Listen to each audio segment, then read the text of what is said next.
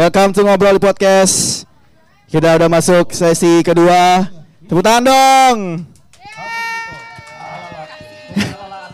iya kalah nih sama Asia Giring MC-nya nih. Itu udah itu belum mbak? Udah. Udah. Agak keras ya ngomongnya. Oke, siap. Biar nggak kalah sama suara si ini. MC. Iya MC-nya. Oke. Oke. Mari, mari. Oke, eh, masih di Sound Session presented by Email dan Sampurna Email ya. Dan sekarang lanjut live talk show barengan saya Angga Baskara dari Ngobrol di Podcast. sedih banget, sedih banget anjing. Kalau tadi saya udah ngobrol sama Bayu KW.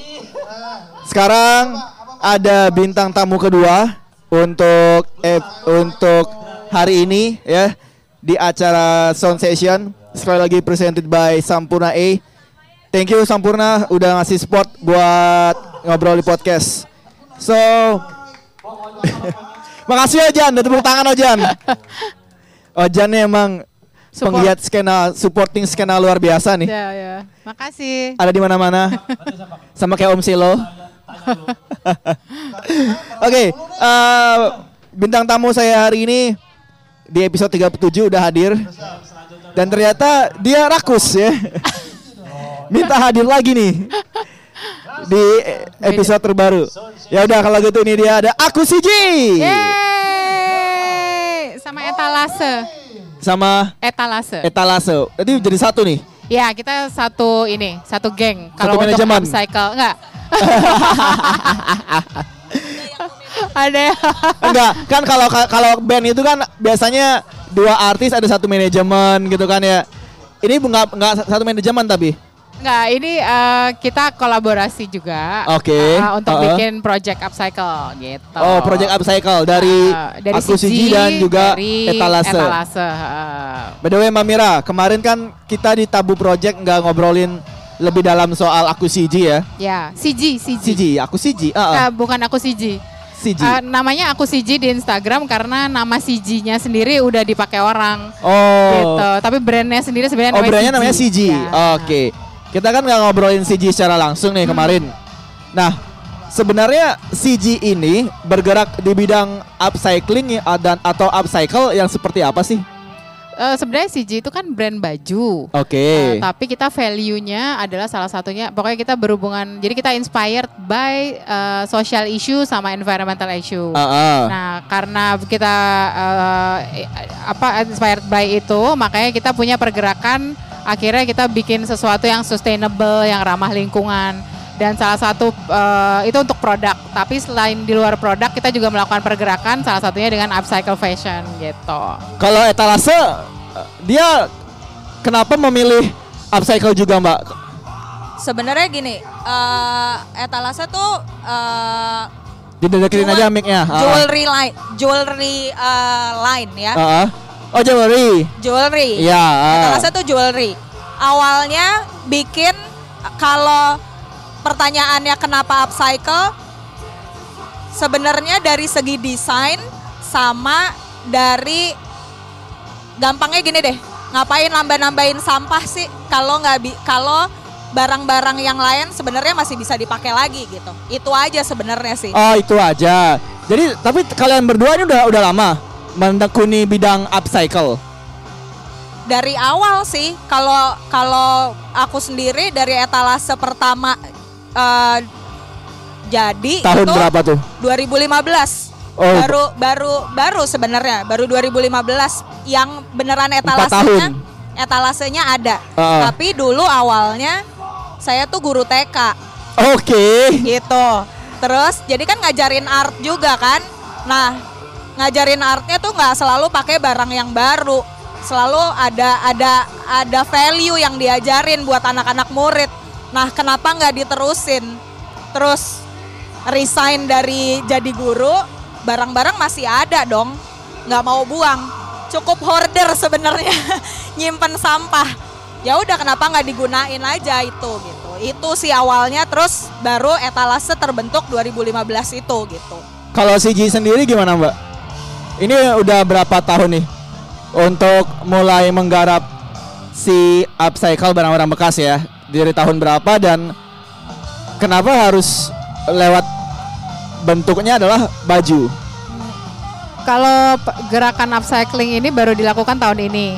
Tetapi sebelum-sebelumnya ada pengolahan sampah lain yang dilakukan CG. Nah, untuk sekarang karena punya partner, jadi mikir bahwa bisa bikin workshop. Eh, untuk workshopnya sendiri, kenapa upcycling? Karena tadi sebenarnya kan fashion itu kan punya masalah. Industri fashion itu kan dia jadi polutan terbesar nomor dua setelah Hmm, minyak hmm. itu kan karena ada pergerakan tren yang selalu setiap enam bulan terus eh, orang-orang yang konsumtif yang selalu ikut belanja padahal nggak perlu nah itu yang sebenarnya jadi concern untuk tahun ini gitu. Itulah karena begitu ditawarin salah satu organisasi eh, di Denpasar untuk bikin workshop aku ngajuinnya upcycling gitu.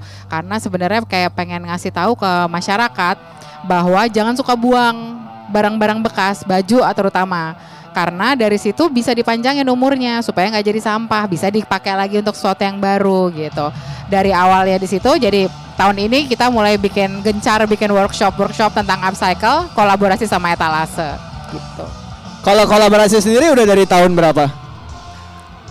Kolaborasi kita baru ya Mir. Ini baru ini baru banget tahun ini atau emang kalian udah kenal dari sebelum-sebelumnya? Oh nggak kalau kenal pertemanan udah dari Jakarta. Kita berdua dari Jakarta. Ah. Mira tuh sebenarnya kakak kelasku gitu di Jakarta. Oh, kalian satu SMA. SMA. Oh, SD. Satu SD, iya satu Enggak SD. kan biasanya biasanya kalau kenal tuh kan SMA ya kan? Eh SD gitu. SD. Jadi- SMP SMA bareng. Bareng. Bareng, bareng. Wah, udah jodoh berarti. jodoh, eh, jodoh. Terus Iya. ketemu lagi di sini. Heeh. Terus ya udah karena Mira juga ngerjain CG-nya, terus aku ngerjain etalase, terus ada benang merahnya nih sama-sama. Terus ya udahlah, ayolah eh, dikerjain aja gitu. Nah, pertama kali workshop itu waktu acara Soundrenalin kemarin. Ah. Jadi kita bikin eh, bikin workshop di situ. Nah, itulah sebenarnya idenya sih sebenarnya udah lama ya Mir, cuma ya udah beneran dikerjain baru tahun ini sih. Gitu. Ini nggak bosan bareng-bareng terus? Jarang ketemu. Aku di Ubud. Oh, di Di Ubud. Ubud, Mira kan di di Denpasar. Denpasar, gitu. iya. Ah. Nah, kalau jaraknya jauh, terus gimana dong mau kerja bareng gitu?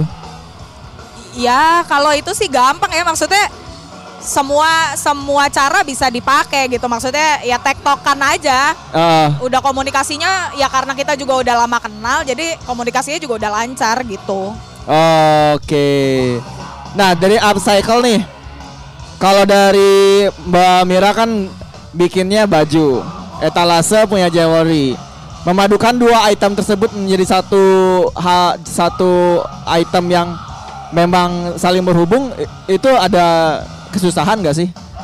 Eh, awalnya eh, sebenarnya nggak susah juga ya karena waktu bikin upcycle fashion ini kan memang masing-masing udah punya porsinya sendiri gitu kayak aku karena aku bikin baju dan aku mempelajari cara bikin pola jahit segala macam aku lebih kenal sama baju-baju apa sih yang bisa diolah lagi apa yang ini gitu sedangkan Eta karena bikin aksesoris dari barang-barang bekas dan ngolah kain juga jadi aku pikir kita bisa kolaborasi tim kolaborasi yang baik karena dari sisi aku bisa ngajarin untuk bentuknya, bentuk perubahan dari baju bekas ke barang layak pakai lainnya, Eta Ah. bisa menambahkan aksesoris dari bahan-bahan bekas tersebut gitu. Oke. Lebih ke sana sih. Kalau dari etalase gimana?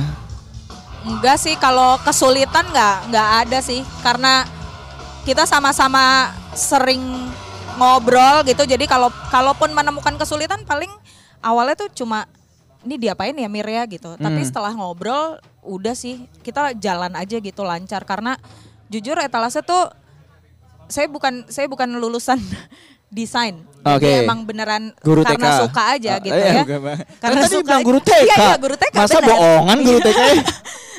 ngajarin anak-anak bohong enggak enggak bohong bohong eh, maksudnya Jangan nakal.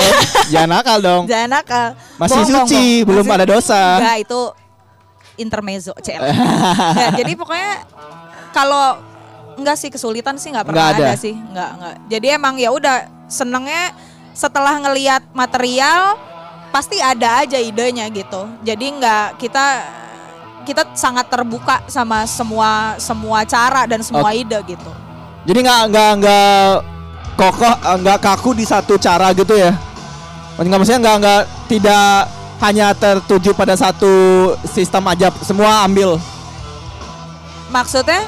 Kan tadi ada banyak cara nih katanya Ah, nih. ah, ah, ah. Jadi nggak menutup kemungkinan terhadap satu cara gitu kan? Oh iya iya enggak maksudnya kayak kan kan ini kan kita sekarang tuh pakainya yang kita ajarin selama ini eh pakai baju-baju bekas gitu ya atau celana atau apa gitu. Nah itu kan treatmentnya juga pasti beda-beda gitu dan banyak desain juga gitu. Jadi sebenarnya ya itu dia cara juga nggak cuma satu berarti kan untuk treatment iya, gitu. bener. Daleman bekas juga. Ya enggak dong, jangan itu. Agak kurang higienis. ya kan kirain. Tapi Mbak dengan meninggalkan pekerjaan utama sebagai guru TK, ya kan, beralih profesi menjadi eh, penggiat jewelry yang berbahan dasar upcycle, itu awalnya ada rasa takut nggak kehilangan aduh utamaku kan jadi guru TK nih. Ketika mau memberi makan si idealis idealis tentu perlu sokongan dana dong. Ada rasa takut nggak ketika meninggalkan pekerjaan utama dan menekuni bidang ini sekarang? Sebenarnya kalau takut, takut. Kalau ini cuma eh, saya nggak bisa bilang bahwa etalase ini pekerjaan utama sekarang karena saya juga masih kerja di satu satu perusahaan walaupun masih walaupun part time gitu ya.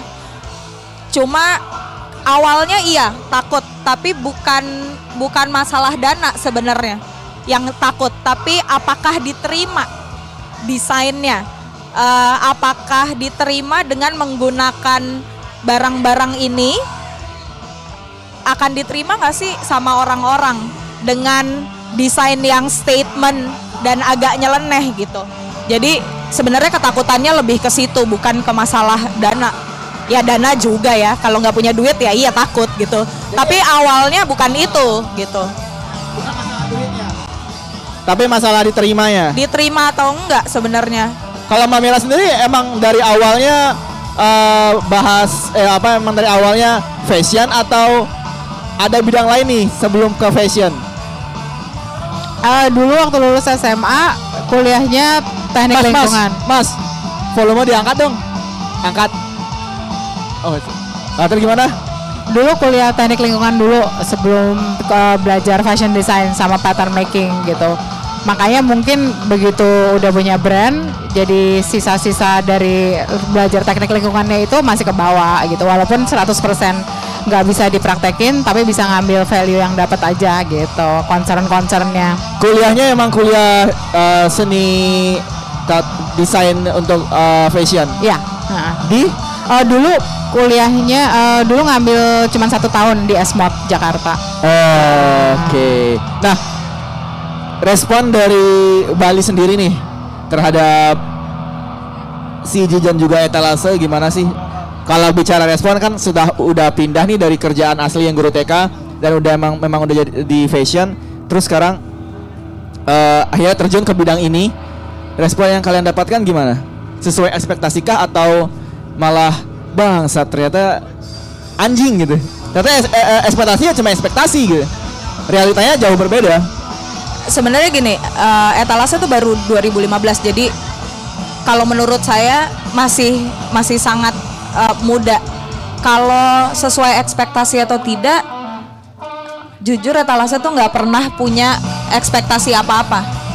Jadi eh, awal bikin etalase tuh nggak pernah punya visi dan misi tertentu. Ah, jadi ya udah jalan-jalan aja. Visinya cuma oke gua mau bikin etalase gua mau eh, mendesain apa pun yang gua mau gitu ya Ah. jewelry ya udah dijalanin aja jadi nggak pernah nggak pernah punya ekspektasi apa-apa kalau buat gua jadinya lebih lebih santai sih jalannya lebih slow ya. lebih slow aja nggak ada beban. nggak Tapi sejauh ini apa yang pernah maksudnya apa yang dikerjakan selalu goals nggak atau pernah gagal? Gagal nih apaan dulu mungkin nggak diterima Nggak eh, laku nggak maksudnya. laku at- ya ya. kalau kalau ngomong nggak laku kayak kasar banget gitu kan apa-apa oh namanya nggak apa jualan. oh ya udah pernah nggak laku nggak sih Pernah. Sering? Pernah. Eh, nggak sering sering nggak sih, tapi ada. Ada. Nah, biasanya kalau kayak gitu eh, etalase tuh punya cara kalau nggak dijadiin giveaway Ah, atau hadiah buat yang konsumen-konsumen yang rajin ya. Ah, ah, ah. atau dibongkar dipakai lagi materialnya. Jadi nggak akan mungkin dibuang gitu aja. Di oh redesign, di redesign redesign. bongkar pasang gitu ya? Iya dong. Oh, Oke, kalau dari CG gimana Mbak? Res ya res- respon respon dulu respon. Dari respon kemudian ekspektasi apa yang eh, Mbak Mira harapkan dari CG ini gitu? Eh, jadi awalnya adalah Siji kan pengen jualan, pengen kaya raya, pengen terkenal. Wajar, Cu- cuan adalah nomor satu. Cuan, ya hidup cuan, cuan harus harus nomor satu. harus nomor satu. Jadilah kita berjualan banyak, berproduksi banyak dan lain-lain sebagainya. Pokoknya gencar banget. Belum sampai kaya, terus mulai tahu bahwa si fashion ini bermasalah industrinya. Oke. Bikin bikin masalah di mana-mana. Ada yang sampai meninggal, polusi lingkungan dan lain-lain. Setelah sejak saat itu galau nggak bisa lagi nih kayak gini caranya nggak bisa tetap di tempat yang sama melakukan hal yang sama menyumbang keburukan yang sama jadi harus merubah nah dari situlah kita mulai kayak eh, akhirnya CG itu jadi limited edition jadi kita memproduksi sesuai dengan eh, kayak kita nggak ngejar target jualan tapi lebih kayak jualan value kita berusaha menyampaikan eh, nilai-nilai yang pengen disampaikan CG yang bisa eh, berhubungan dengan sustainable living, conscious living gitu itu selalu jadi akhirnya kita akan banyakkan di sana. Nah eh, sejak saat itu lucunya semakin banyak anak-anak eh, tadinya yang banyak beli CG itu di Jakarta. Tapi begitu kita mulai switch kayak bikin yang tadi itu banyak jualan cerita, jualan value itu mulai lokal, lokal mulai ini, mulai per- memperhatikan CG, mulai nanya-nanya tentang CG gitu. Jadi em, tadinya ekspektasinya mau kaya raya, sekarang ekspektasinya cuman sampai nilainya eh, kampanyenya sampai dan dimengerti gitu. Untuk produknya sendiri tetap jualan, tapi bentuknya sekarang pre-order karena kita kan cuma bikin limited kan. Jadi kalau mau bikin, eh kalau mau beli nunggu nanti kita bikinin. Jadi rencananya adalah untuk bikin orang supaya nggak konsumtif gitu. Eh, berarti nggak jadi nggak mau kayak kaya raya? nggak bisa kayaknya kalau di baju. Mungkin nanti cari cara baru deh yang tetap di baju. Rampok lah. ya bisa. Bisa kan? Masih banyak rampok, ngepet, ya, Bisa. pesugihan. Ngeri banget. Eh, ya apa aja gitu bisa cuan lah pokoknya ya. Apa aja. Nah, d- dari dari eh, upcycle ini dengan sekarang kan Bali itu udah punya peraturan tidak memperbolehkan plastik. Ya kan? Tidak mem- memperbolehkan plastik. Yang kalian lihat dari peraturan ini apa sih? Mendukung kalian sebagai pekerja upcycle atau ini cuma gimmick doang? eh gini, kalau kalau menurut gua pribadi sebenarnya penggunaan kantong dan apa pun yang plastik itu ya kalau bisa digunakan dengan bijak sebenarnya baik-baik aja. Karena jujur plastik tuh tahan lama ya kan? Maksudnya box lah apalah gitu ya. Itu tahan lama. Cuma di sini tuh di di negara kita kayaknya belum ada cara untuk menanggulangi itu? Iya, mengolahnya Nah, belum. mengolahnya Ah, belum ah, ada. ah. iya memang udah ada uh, apa namanya dipisahin lah apa-apa. Tapi apakah benar setelah dipisahin diolah dengan benar gitu? Jadi kalau buat gua ini gimmick atau tidak jujur gua agak nggak peduli soal gimmick. Selama lo bisa bantuin ya udah lo kerjain aja gitu kalau kalau gue karena jujur gue masih suka kadang-kadang suka lupa ya gitu tapi karena ada peraturan itu ya mau nggak mau yang ya lo udah nggak bisa pakai kantong plastik lagi gitu jadi emang kayaknya buat gue kayaknya emang ada beberapa yang memang ada peraturan yang memang harus dipaksa baru bisa jalan gitu kalau buat gua. Kalau Mbak Mira gimana? Kalau untuk prakteknya mungkin lebih sulit di kelas menengah ke bawah. Ah, Iya, kalau untuk yang nggak pakai plastik ya, karena mereka jadi harus punya beli tas, Eh, beli tas atau eh, ya bikin mungkin, tapi kan itu kan perlu modal juga. Sedangkan kalau kayak di pasar atau di tempat-tempat apa ya jualan makanan pinggir jalan itu mereka kalau misalnya mesti nggak nyediain plastik mereka nggak ada yang beli. Iya iya benar-benar. kasihan. Sedangkan kalau mereka mesti tambahin modal lagi untuk tempat yang bisa dipakai ulang itu modal lagi. Jadi ada dilema di situ sih dilematis kondisi dilematis. Jadi kalau misalnya sekarang kita lihat menengah ke atasnya berbondong-bondong untuk nggak pakai plastik ya bagus. Mereka emang harus didorong untuk itu karena mereka yang bisa melakukan itu. Sedangkan kalau kelas yang menengah ke bawahnya itu mungkin bukannya didorong untuk pakai plastik juga tapi eh, dikasih tahu mas eh, gimana sih cara pakai plastik yang bijaksana? Heeh. sekarang ya kayak tadi udah bilang kan plastik itu kan tahan lama ya pakai ulang aja. Jangan kalau habis bungkus misalnya belanja apa terus dibungkus dirobek. Buka aja pelan-pelan nanti dipakai lagi pada saat belanja terus begitu. Itu kan bisa lama dan nggak bikin sampah gitu. Mungkin edukasi. Jadi eh, jangan langsung ngeban jangan langsung dilarang tapi dikasih edukasi dan solusi dulu supaya nanti mereka mau melaksanakannya juga tahu bahwa oh ya udah ada pilihan. Nggak cuma "Loh, terus kita pakai apa? Loh, terus gimana caranya? Siapa mau modalin? Atau dan lain-lain gitu sih sebenarnya. Tapi ini ber- eh, kebijakan yang tadi udah kita bahas berpengaruh nggak ke dalam terhadap industri tempat kalian sekarang berkarya? Eh, maksudnya eh, ini Si peraturan anti plastik nih Ah, ah. berpengaruh nggak ke industri yang kalian kerjakan sekarang? Ya entah jewelry, entah eh, fashion yang memang berlandaskan asas upcycle gitu.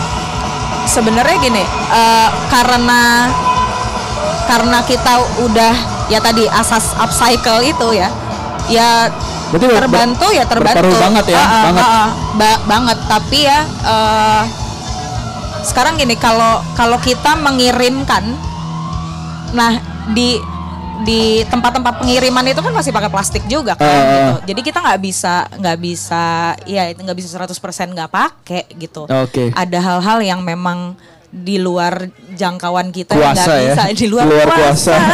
di luar kuasa ya Kuasa nggak ya Tuhan. ya udah nggak bisa tapi kalau di kitanya sendiri Ah. terbantu ya terbantu Banget. sangat terbantu gitu karena gini kita kita memberikan ilmu kita kita mungkin memang nggak bisa memberikan ilmu eh, yang sangat eh, luas ke ke itu tapi ya udah kita jalan sedikit sedikit aja kalau Ah. kita bisa jalan dikit dikit nanti mungkin dari yang kita kasih tahu yang satu sini ntar mereka ngasih tahu lagi yang lain gitu jadi ya udah kita pelan pelan aja jalannya gitu Oke.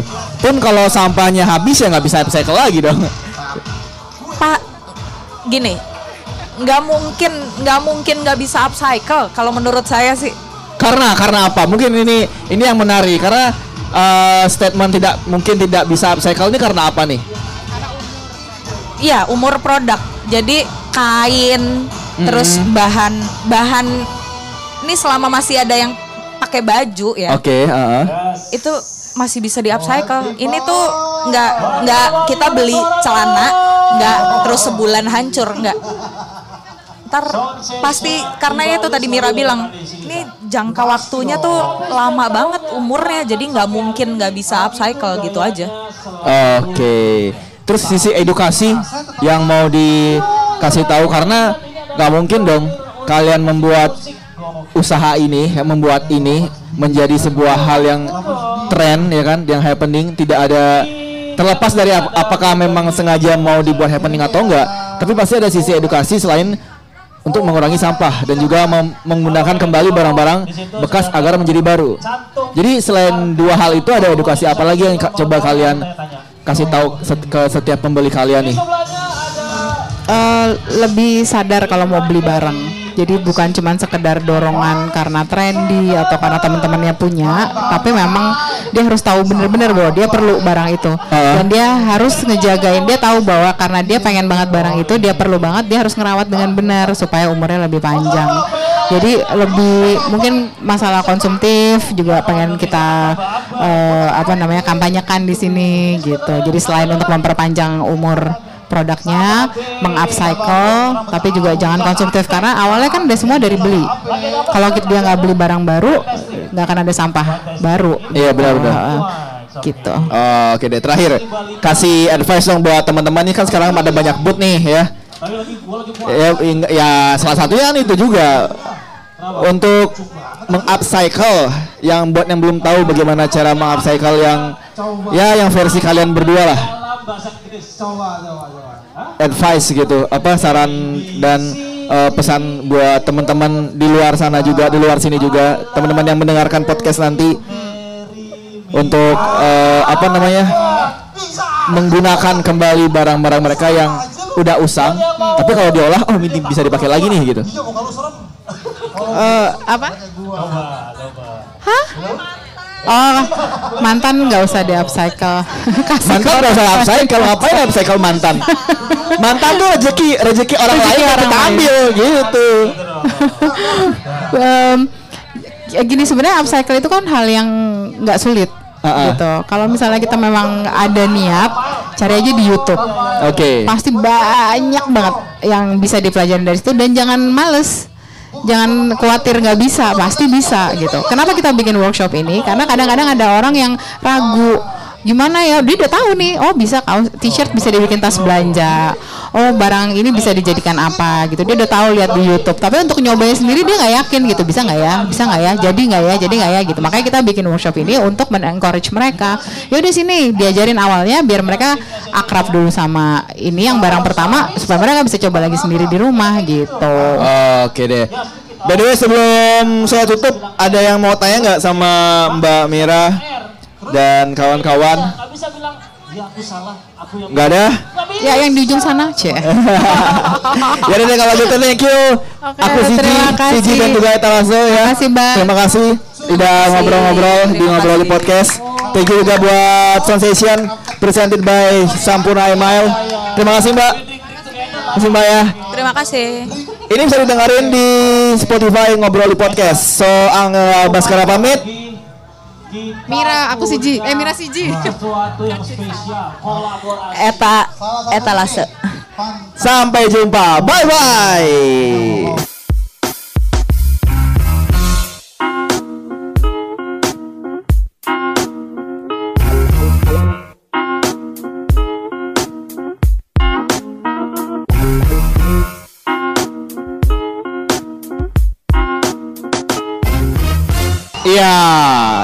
Oke. So, terima kasih buat teman-teman masih bertahan di sini. Eh, Enggak sana aja, Bro. Enggak apa-apa. Iya, biar deketan. Ah. Aduh. Oke. eh, once again, welcome to Ngobrol di Podcast.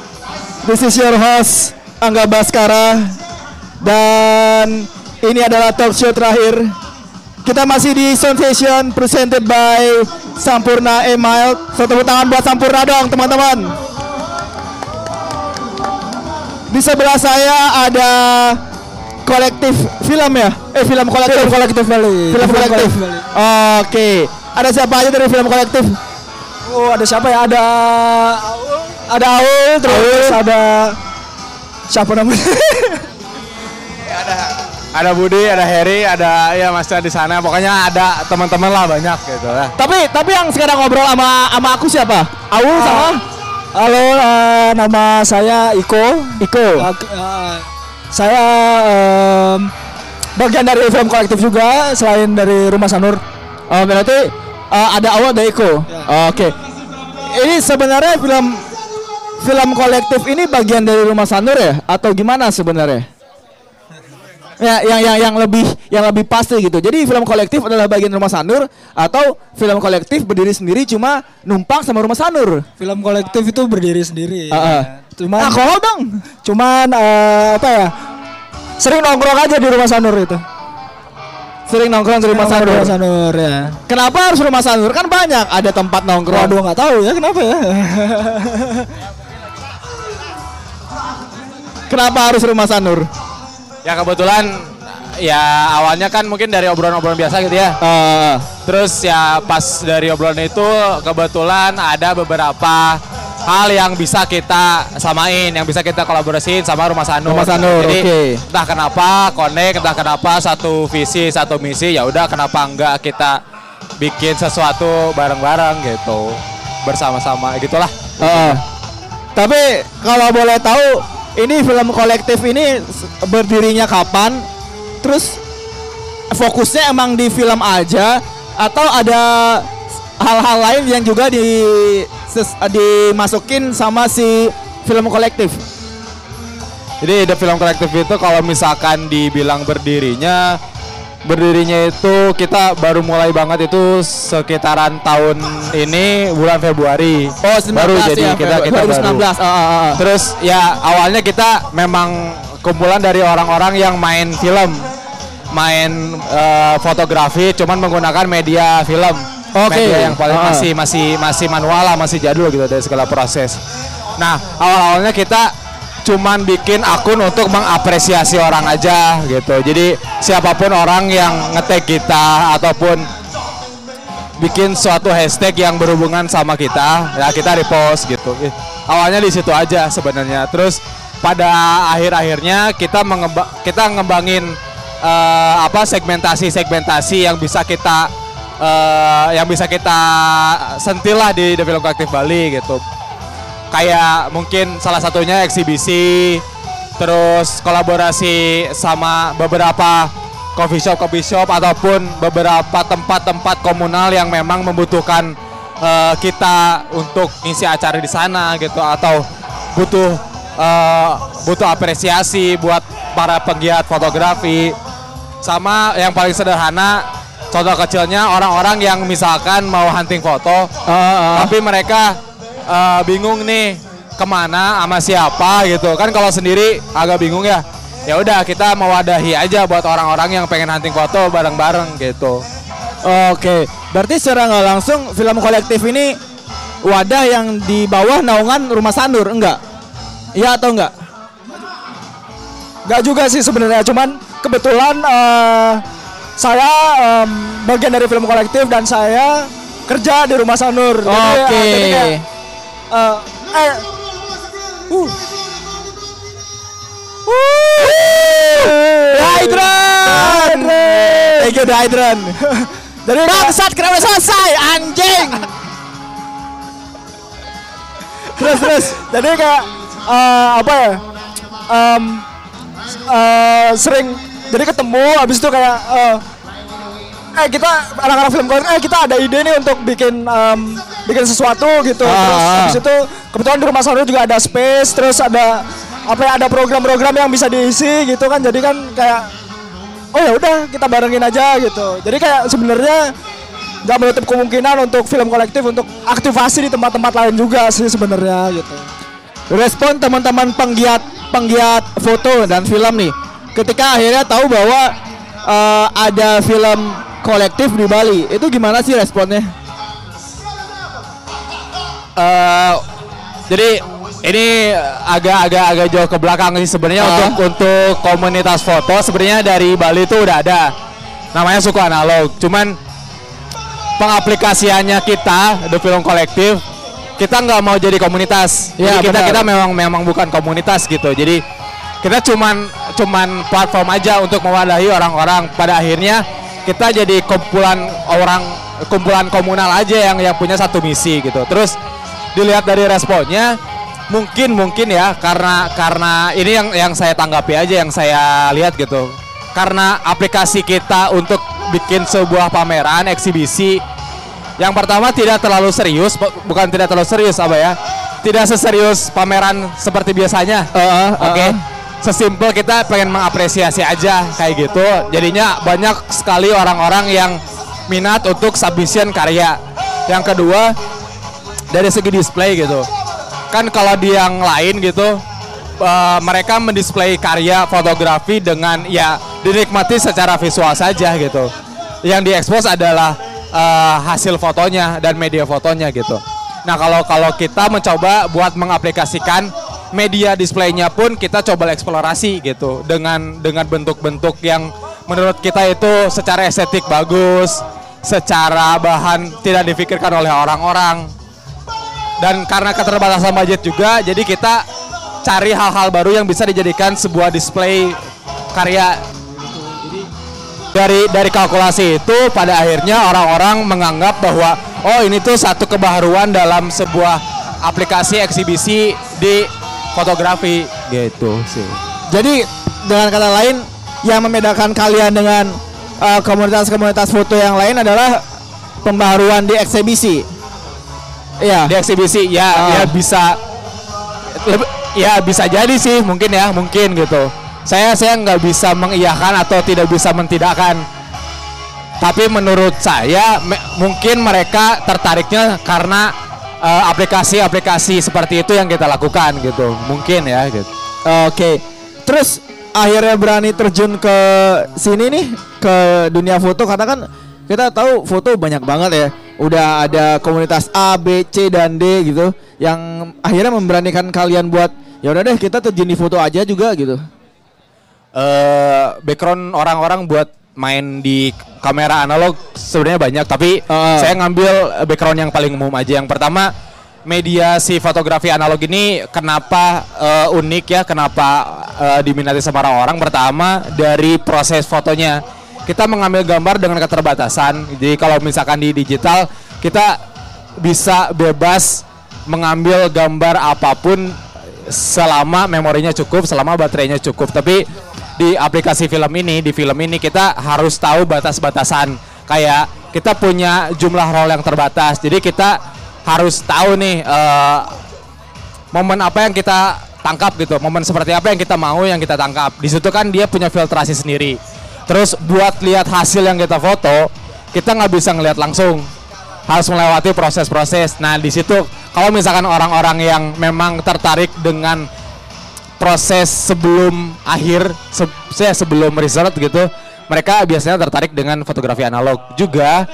Yang paling mainstream sih karena orang-orang melihat si bentuk kamera analog itu eye catching lah gitu. Ya retro, ya seperti pada halnya pada halnya sama kayak orang-orang kenapa tertarik dengan motor tua gitu. Mobil tua juga, Ya. musik tua juga ya. Ah, Oke.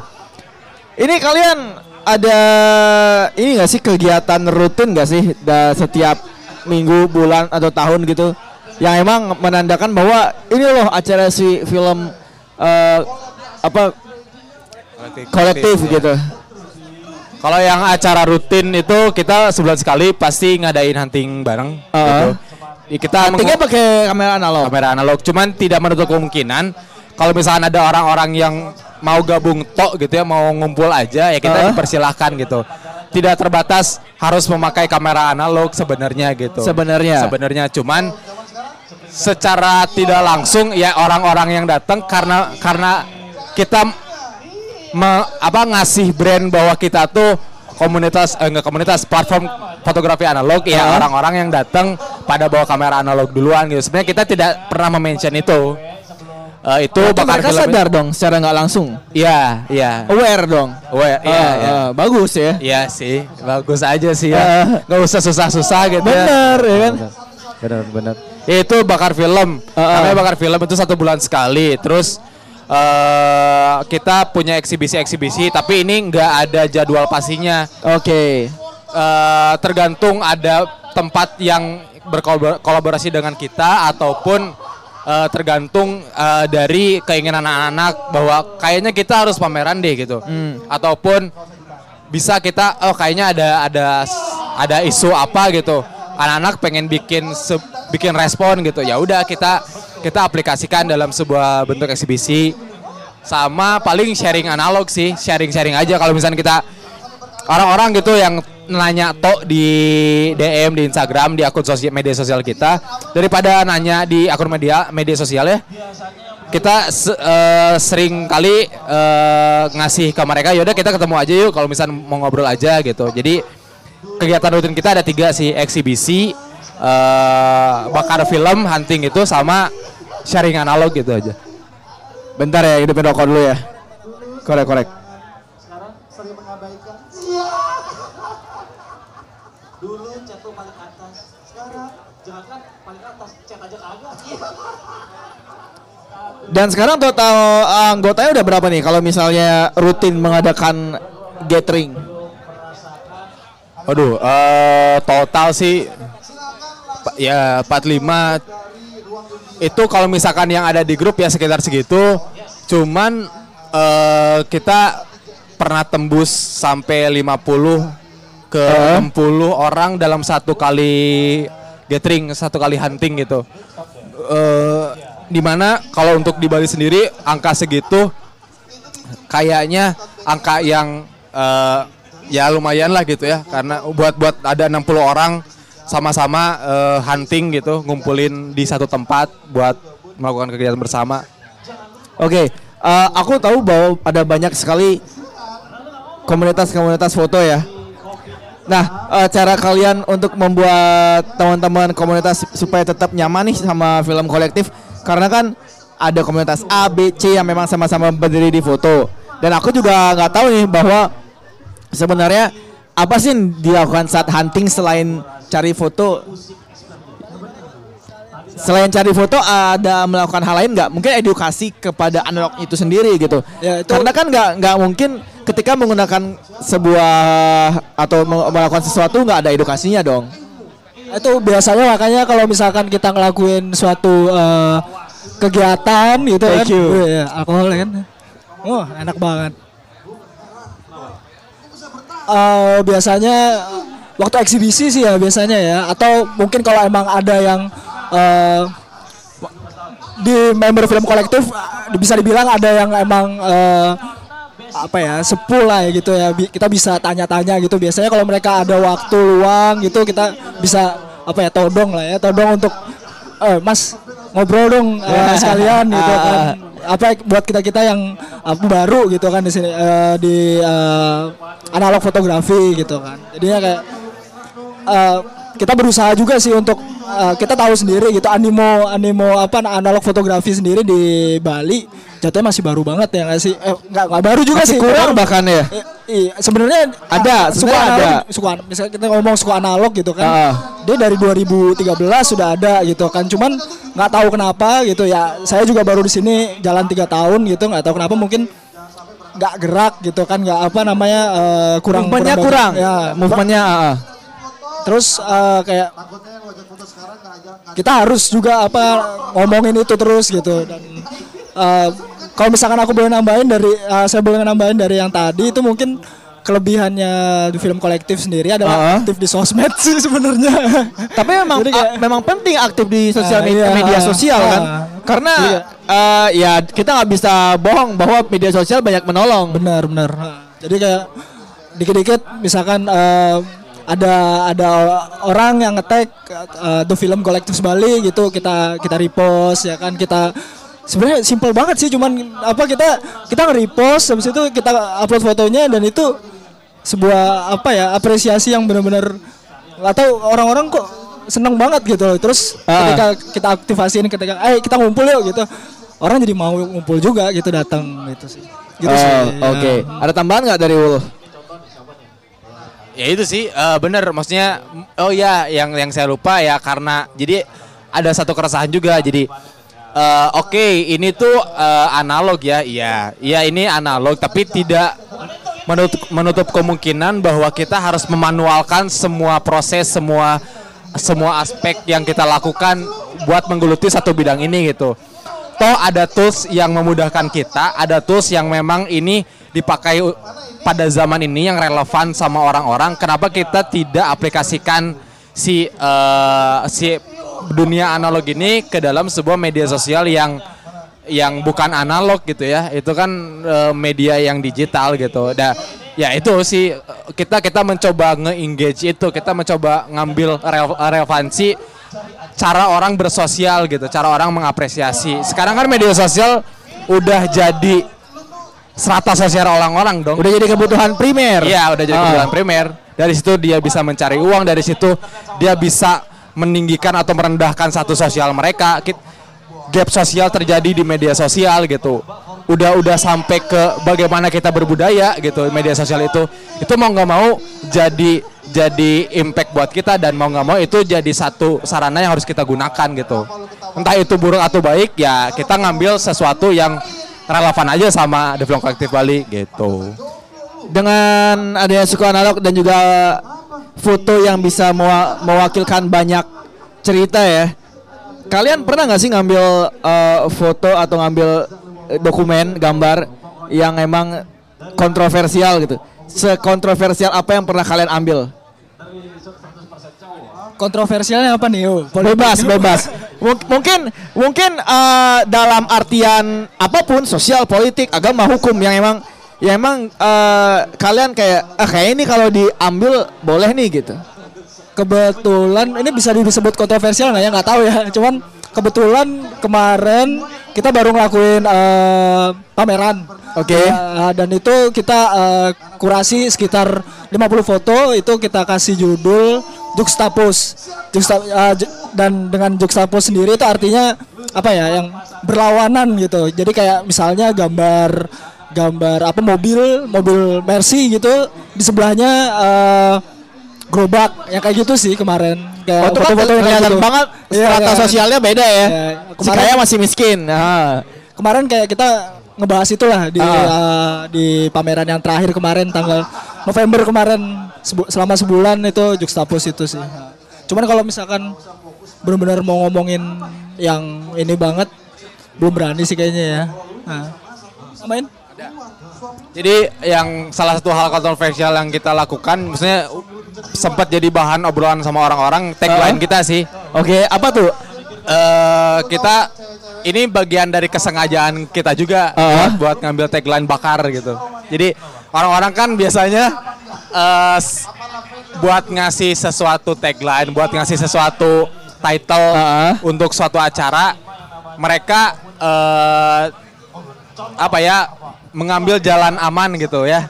Ma- ma- mainnya yang yang yang klise yang aman lah ya. Ya main yang klise yang aman gitu, mencoba untuk tidak ngambil perhatian orang-orang. Kita di sini coba aja gitu, gimana sih ngambil animo orang-orang dengan sesuatu eh, bah- eh, kata yang nyeleneh gitu. Kita ambillah kata bakar ini buat acara Eh, eh, kita, eh. acara ini dan itu jadi perdebatan orang-orang. Jadi eh, maksudnya ini konotasinya bakal berkembang secara luas ini. Maksudnya orang-orang menginterpretasikan bakar ini bisa luas banget gitu. Dan itu ja- jadi uluran orang-orang juga. Dan ba- bahkan untuk event per- event bakar pertama itu eh sorry yang kedua itu kita lakukan di Pasar Badung. Yang kebetulan Pasar Badung pada saat itu baru beres kebakaran. Oh, itu kan sebenarnya ada ketersinggungan ya. Iya, iya. Karena karena kita tahu pasar Badung yang yang baru habis terbakar, sekarang kalian pasang pameran bakar, itu secara nggak langsung ada ketersinggungan tuh. Kok berani sih? Ini apa nih yang membuat kalian benar-benar sangat-sangat berani dan ya udah asah aja dah gitu. Dibakar apa? Iya. Ya, bakarnya rakap apa dulu nih? Nggak boleh ganja belum legal di Indonesia. Ats kali ats bagi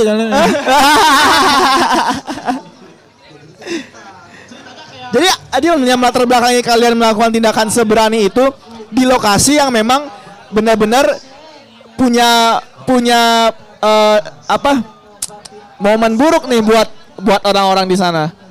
ini bebas sih maksudnya eh, tapi ya se sesimpel kita pengen diomongin orang-orang aja Pengen jadi pembicaraan Iya, aja. udah itu aja nggak ada yang lain. nggak ada yang toh kan pada akhirnya eh, kita pengen muncul di permukaan gitu ya Heeh. Eh, kalau misalnya kita di- melakukan sesuatu yang gitu-gitu aja orang-orang nggak akan notice gitu Oke, ya benar-benar. kamu kamu memperbaiki sesuatu kamu lebih baik di dalam sesuatu orang-orang ya hanya melihat itu jadi satu penyempurnaan sesuatu aja tapi kalau misalkan kamu eh, u- bener-bener beda gitu dan impactnya ada yang suka suka banget ada yang nggak suka suka banget Pa- tapi pada akhirnya kita muncul di permukaan ya udah itu yang kita lakukan keputusan itu gitu. Impactnya ke kita negatif ya udah kita terima gitu pada akhirnya. Respon orang-orang terhadap pameran bakar kemarin gimana? eh itu bakar itu hunting. Ya jadi responnya kalau misalnya orang-orang yang terbuka yang paham gitu ya ini hanya sekedar kita buat nyari obrolan aja buat buat munculkan sesuatu di permukaan aja gitu Ada jadi sumbu pendek nggak? Ah, sumbu pendek. Jual Eh. tiket surga anjing. ad- ada ada aja sih tapi Ah. kita kita selalu ngebuka obrolan aja gitu kalau Ah, misalkan ah. kamu mau nanya kenapa kita memutuskan pakai tagline itu ya kita dengan senang hati untuk untuk untuk melakukan sebuah obrolan gitu biar pada akhirnya kamu tahu sebab kita tapi tapi entah itu kamu menyimpulkan kamu tidak setuju ya udah nggak apa-apa gitu setidaknya kamu tahu maksud kita ngasih tagline itu tuh apa dan konotasinya tuh seperti apa kayak gitu Oke. Jadi secara uh, garis besar teman-teman yang datang ke pameran bakar hampir rata-rata paham sama isu yang sedang di- kalian angkat. Dan sebenarnya bakar sendiri itu kayak apa ya? Kalau misalkan di film ana di analog fotografi itu kan Ah. kayak apa ya? Jadi kalau ketika kita ngelakuin eh, foto kayak shutter speednya kebuka, itu kan filmnya kebakar gitu Iya, ya iya, sebenarnya iya. Ah. Gambar- supaya eh, gambarnya muncul gitu. Jadi kayak sebenarnya kayak kita bisa dibilang apa ya? Lempar lempar batu dua dua burung kena gitu loh. gitu sih. Jadi sekali mendayung dua tiga pulau terlampaui. Yoi. Oh, i. Ini kalian di media sosial ada di mana sih? Kalau buat film kolektif Bali ada di The Film Kolektif pakai S Bali Ah. disambung semua. Semua sambung. Ya. The Films Kolektif The Film Kolektif Kolektif Bali. Oh, Bali. Terakhir, kasih advice dong buat teman-teman yang nanti dengerin podcast ini atau nonton sekarang seputar analog karena kan analog udah mulai menjamur ya. Mungkin dari pemeliharaan, dari angle foto atau mungkin bisa ikut bareng sama kalian hunting itu gimana sih?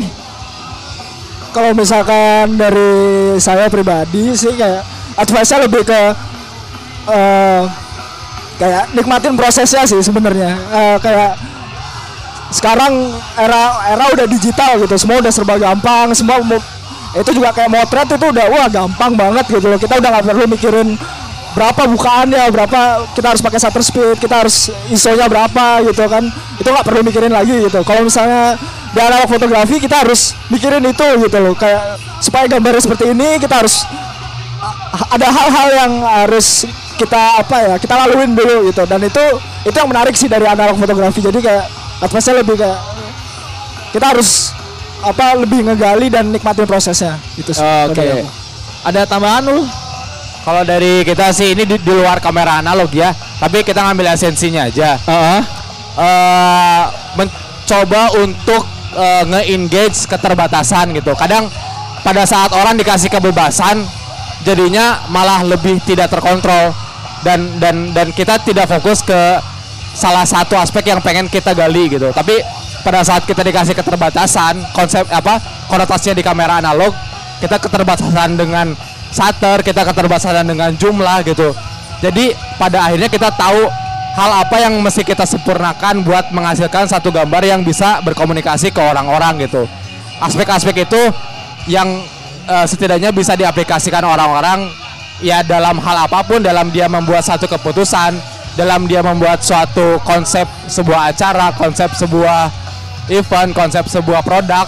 Keterbatasan menjadi satu hal yang perlu buat kita gitu daripada ke- kebebasan gitu kita, kita dikasih semuanya tanpa tanpa keterbatasan pada akhirnya kita jadi bingung dan tidak fokus ke dalam satu hal yang pengen kita kembangkan gitu Oke deh, tepuk tangan buat uh, film kolektif. Ya udah, uh, itu tadi obrolan saya sama film kolektif. Jadi episode ini bisa didengarkan di ngobrol di podcast episode terbaru. So kalau gitu Angga Baskara pamit, ada film kolektif juga pamit. Dan kita ketemu di episode-episode berikutnya. Uh, sekali lagi, Terima kasih buat Sampurna, buat Sound Session, APN, Ruang Gembira, tepuk tangan buat Ruang Gembira ya. I Ruang Gembira. Fuck tahun ketiga. ya udahlah. Ah, kalau gitu saya anggap sekarang pamit. Tetap jangan lupa untuk follow ngobrol di podcast ada di Spotify dan juga sekali lagi terima kasih buat Sound Session presented by Sampurna Email. Kami pamit di sini. Bye bye.